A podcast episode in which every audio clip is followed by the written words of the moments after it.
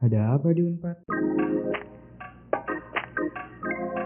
Halo teman-teman, welcome back to Patler dengan gue Sebita dan gue Manda. Senang banget bisa nemenin kalian hari ini buat berbagi cerita di tanah Pajajaran. Halo halo, sesuai sama tagline kita, pasti penasaran kan sebenarnya ada apa sih di Unpad? So, today podcast udah ada sedikit spoiler nih di episode 0 kalau kita bakal bahas tentang per-entrepreneurshipan. Lo pernah bertanya-tanya gak sih, Sep? Emang bisa ya di umur kita yang masih muda nih, masih ciliknya ya asik. Kita tuh bisa ngasilin duit gitu. Um, jujur ya, gue tuh selalu mikir gitu. Gue sering banget mikir buat punya penghasilan tuh baru bisa pas abis selesai kuliah gitu tapi akhir-akhir ini banyak juga gitu generasi Z nih yang udah punya usaha sambil mereka kuliah. Bahkan ada yang udah mulai sejak mereka sekolah. Keren banget gitu ya, masih muda tapi udah bisa punya penghasilan sendiri. Yes, bener banget. Pastinya gue, lo, dan semua teman-teman partber di sini pengen tahu kan ya, gimana sih caranya buat uh, punya uang gitu selagi muda. Kalau gitu, langsung aja nih kita sapa tamu kita pada hari ini. Sandra Kezia. Halo Sandra, apa kabar nih? Hai, halo. Apa baik, baik, baik. Nah, gitu. Alhamdulillah ya. Iya. Nah, sesuai dengan topik podcast kita hari ini mengenai per-entrepreneurshipan, Sandra ini kan salah satu wirausahawan muda nih di Unpad ya. Boleh ceritain nggak tentang usaha yang lagi dijalanin? Oke, Em, gue ada usaha kecil-kecilan namanya seedslux.official di Instagram. Itu gue di bergerak di bidang fashion, lebih tepatnya clothing untuk eh, cewek-cewek gitu dengan model yang kekinian lah gitu. Oh gitu ya, kece gitu ya, clothing-clothing lain gini. Gue sendiri udah ngecek nih Instagramnya Stitch Lux dan emang sekece itu teman-teman. Boleh banget dicek nih. Terus eh, Stitch Lux ini udah berjalan berapa lama, San? Nah, gue sih baru start untuk developnya itu di eh, awal-awal tahun ini, di Januari 2021. Terus ya eh, cek-cek marketnya gimana, segala macam gitu-gitu. Terus baru mulai aktifnya di Februari. Hmm, Baru ya Hmm. berarti ya. Tapi iya, baru banget. aku pas lihat Instagramnya itu kayak yang emang udah udah mantep gitu. Enggak lah. Nah, kalau misalkan boleh tahu nih, sebenarnya apa sih alasannya Sandra ini milih usahanya tuh di bidang clothing gitu? Hmm, kalau gue sendiri sih karena emang gue tuh suka banget sama fashion, sama clothing retail gitu. Dan sering juga ngamatin kan kayak gimana sih ini online shopan tuh eh, berjalan gitu, how it works, terus kayak market-marketnya gimana. Jadi ya udah gue coba aja di bidang yang emang gue suka gitu. Karena kalau untuk bidang lain emang gimana ya, emang kita jarang mengamati ya. Jadi Hmm. ya gue pilih clothing dulu sih. Hmm, jadi kayak emang dari suka gitu dari hobi jadiin bisnis Iya. gitu ya. Iya. Sih. Terus ini sebenarnya Stitch Lux ini tuh usaha pertama yang dijalanin atau eh, sebelumnya pernah usaha gitu di bidang lain juga? Ah, belum. Emang ini usaha pertama gue yang gue juga masih coba-coba juga gitu. Oh, ini yang pertama ternyata ya. Eh, gue kira tuh kayak ini tuh bukan yang pertama karena kayak tadi dibilang sama Manda, udah mantap gitu dari Instagramnya ya. Terus se- pas kayak sebelum lo yakin nih buat mulai si Stitch Lux ini, eh, lo ngelakuin apa gitu? Apa yang lo siapin? Apakah lo riset dulu atau apa dulu gitu?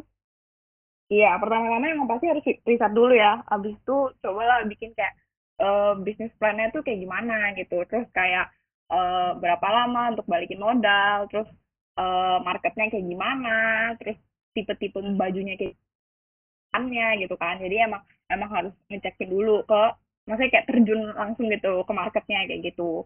Terus baru dari situ coba kayak mau brandingnya kayak gimana. Dari situ sih baru eh, mulai aja gitu. Oh gitu ya. Ternyata memang mendalam ya udah ah, sampai bisnis plan gitu-gitu.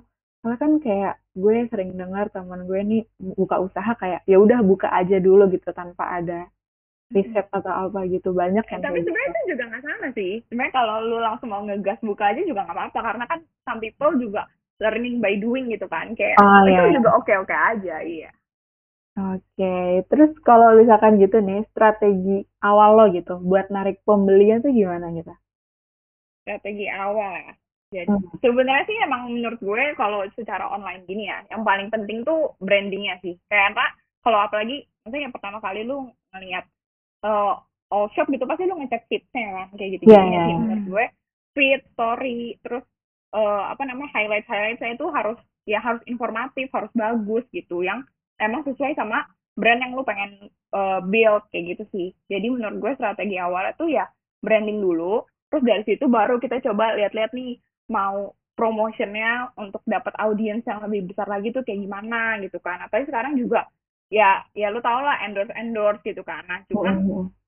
tergantung juga kalau dari brand yang lu build ini sesuainya sama influencer yang mana nih gitu jadi emang harus ngecek ngecekin juga engagementnya gimana terus kita nanya eh, terus ya kalau nanya-nanya eh, rate card influencer gitu dm dm aja ke mereka kayak gitu gitu sih paling menurut gue kalau langkah utama ya Hmm. Hmm. Berarti ini Sandani pernah eh, nge-endorse gitu ya? Atau belum? ah gue pernah endorse eh, influencer juga eh, namanya Monica Amadea terus kayak gue melihat eh, satu brandingnya dia itu image-nya dia bagus gitu kan terus eh, engagementnya dia juga besar gitu terus akhirnya ya udah gue coba endorse dia pertama kali terus ya udah itu ya emang feedbacknya luar biasa banget sih kayak setengah followers gue tuh dari dia deh kayaknya gitu. Wow. Berarti untuk endorse tuh eh, apa? Kayak sebuah investasi juga gitu ya? Nah Endorse. iya benar benar. Terus kayak sekarang juga endorse kan tipenya banyak ya. Kayak ada endorse yang cuma buat raise awareness dari brand lo gitu supaya orang-orang tahu brand lo. Mhm. Sama ada juga yang harus ningkatin sales gitu kan. Kayak harus yang, maksudnya ngerti kan yang kayak abis kita endorse terus order langsung break gitu kan. Kayak Iya, iya, gitu. iya. Nah ya kadang ada beberapa tipe endorse yang beda gitu kan. Cuman ya kita harus lihat lah kayak brand kita tuh butuhnya endorse yang kayak gimana sih gitu. Hmm. Terus eh, tadi kan kayak ngebahas soal branding gitu ya. Kalau misalkan dari Stage Lux sendiri nih, apa sih kayak brandingnya yang ngebedain eh, dari usaha-usaha lain gitu, online shop lain, ataupun kayak mungkin dari produknya, kayak yang bikin beda lah, bikin Stage Lux ini tuh unik gitu. Kalau dari produk yang TikTok itu, gue mau eh, target audiens gue tuh yang eh, seumuran-umuran sama kita lah. Jadi kan kayak kita suka nih sama eh, fashion-fashion gitu kan. Cuma eh, harganya juga harus affordable kan. Jadi yang menurut gue membedakan dari brand yang lain itu adalah gue nawarin harga yang sangat affordable, tapi eh, modelnya tuh juga masih kekinian gitu. Terus kayak eh, kalau di Stitch Lux, Stitch Lux sendiri itu eh, gue eh brandingnya itu yang eh, colorful, yang kayak warnanya tuh pop up semua gitu. Iya sih emang kayak pas waktu gue lihat visnya tuh kayak wah ini ini emang colorful abis gitu ya.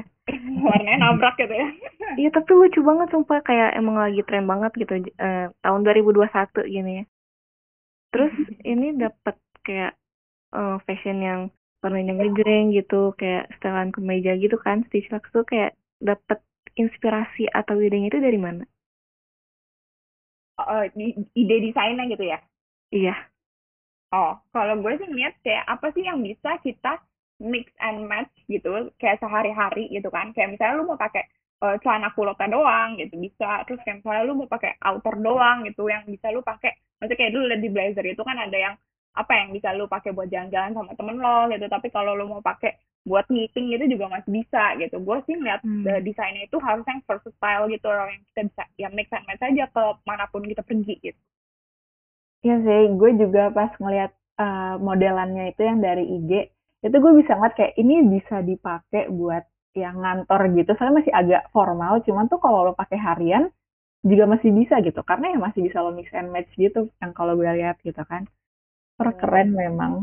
Terus eh, eh, waktu awal-awal nih, lo nyiapin modalnya gimana gitu? Apakah waktu dari perencanaan bisnis plan gitu gitu? Gimana lo nyiapin modal?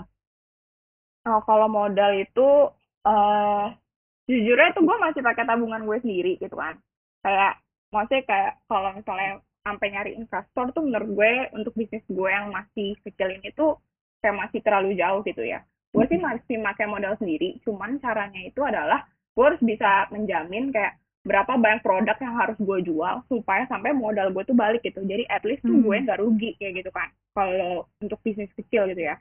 Jadi kalau untuk profitnya itu mungkin eh, bisnis tuh menurut gue profitnya tuh nanti gitu. Setelah kita develop beberapa lama baru profitnya tuh baru berasa. Kayak oh iya Oh iya. gue sekian per bulannya gitu. Setelah brand lu tuh udah berjalan gitu. Kalau misalnya emang awal-awal emang kita nggak bisa anggap eh, berharap profit yang kayak oh se- sebulan gue dapat 5 juta nih. Kayak kayak menurut gue sih belum ya gitu. Ah, jadi kalau emang modalnya eh, tergantung bisnis yang pengen dibikin gitu kan. Apa kalau misalnya emang mau bikin bisnis yang besar gitu mungkin bisa eh, apa pitch ke investor gitu-gitu. Cuman kalau misalnya emang mau bikin yang kecil-kecilan ya bisa lah apa namanya minta eh dari modal sendiri gitu. Ataupun kalau misalnya ngajak teman buat kolaborasi kayak gitu-gitu sih.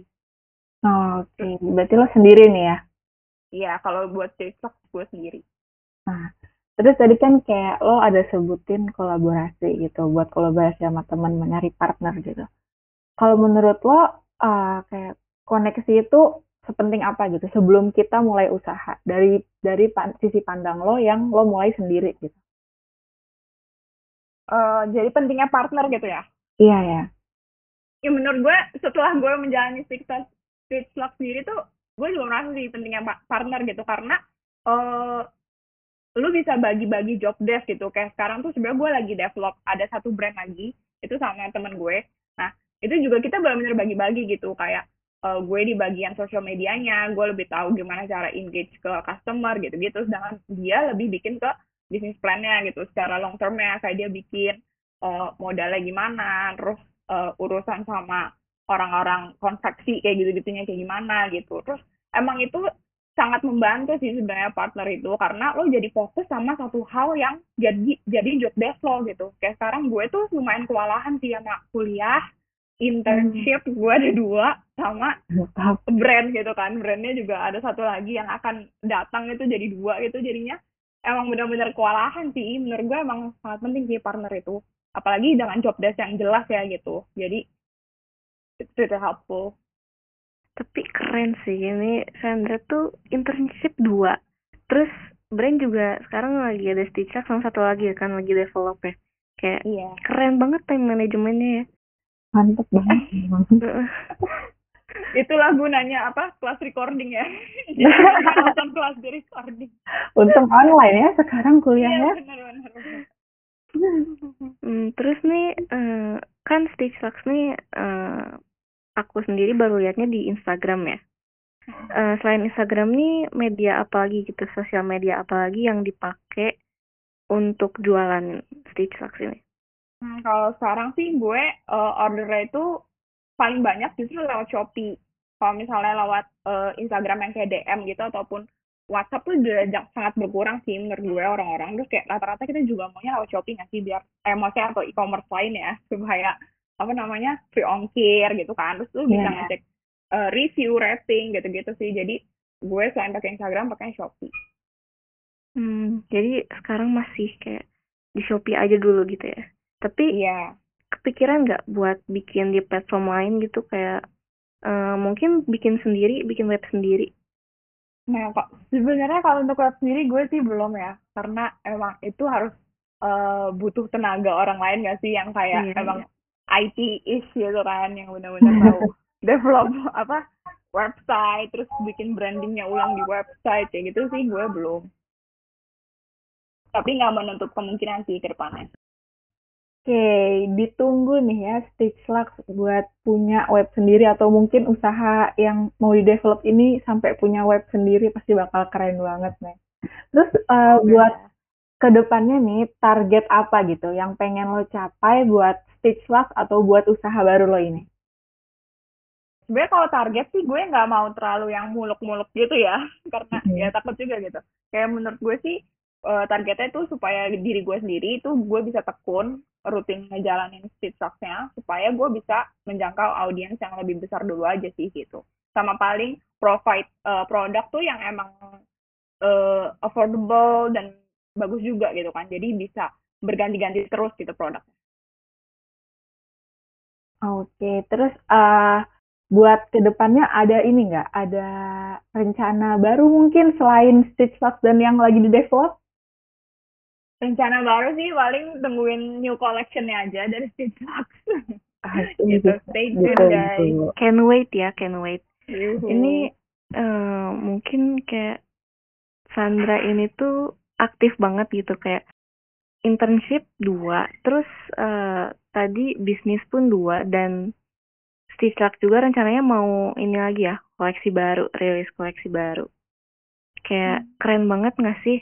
Semoga aja nih eh, teman-teman semua yang ngedengerin podcast sekarang tuh bisa terinspirasi dari eh, pengalaman Sandra.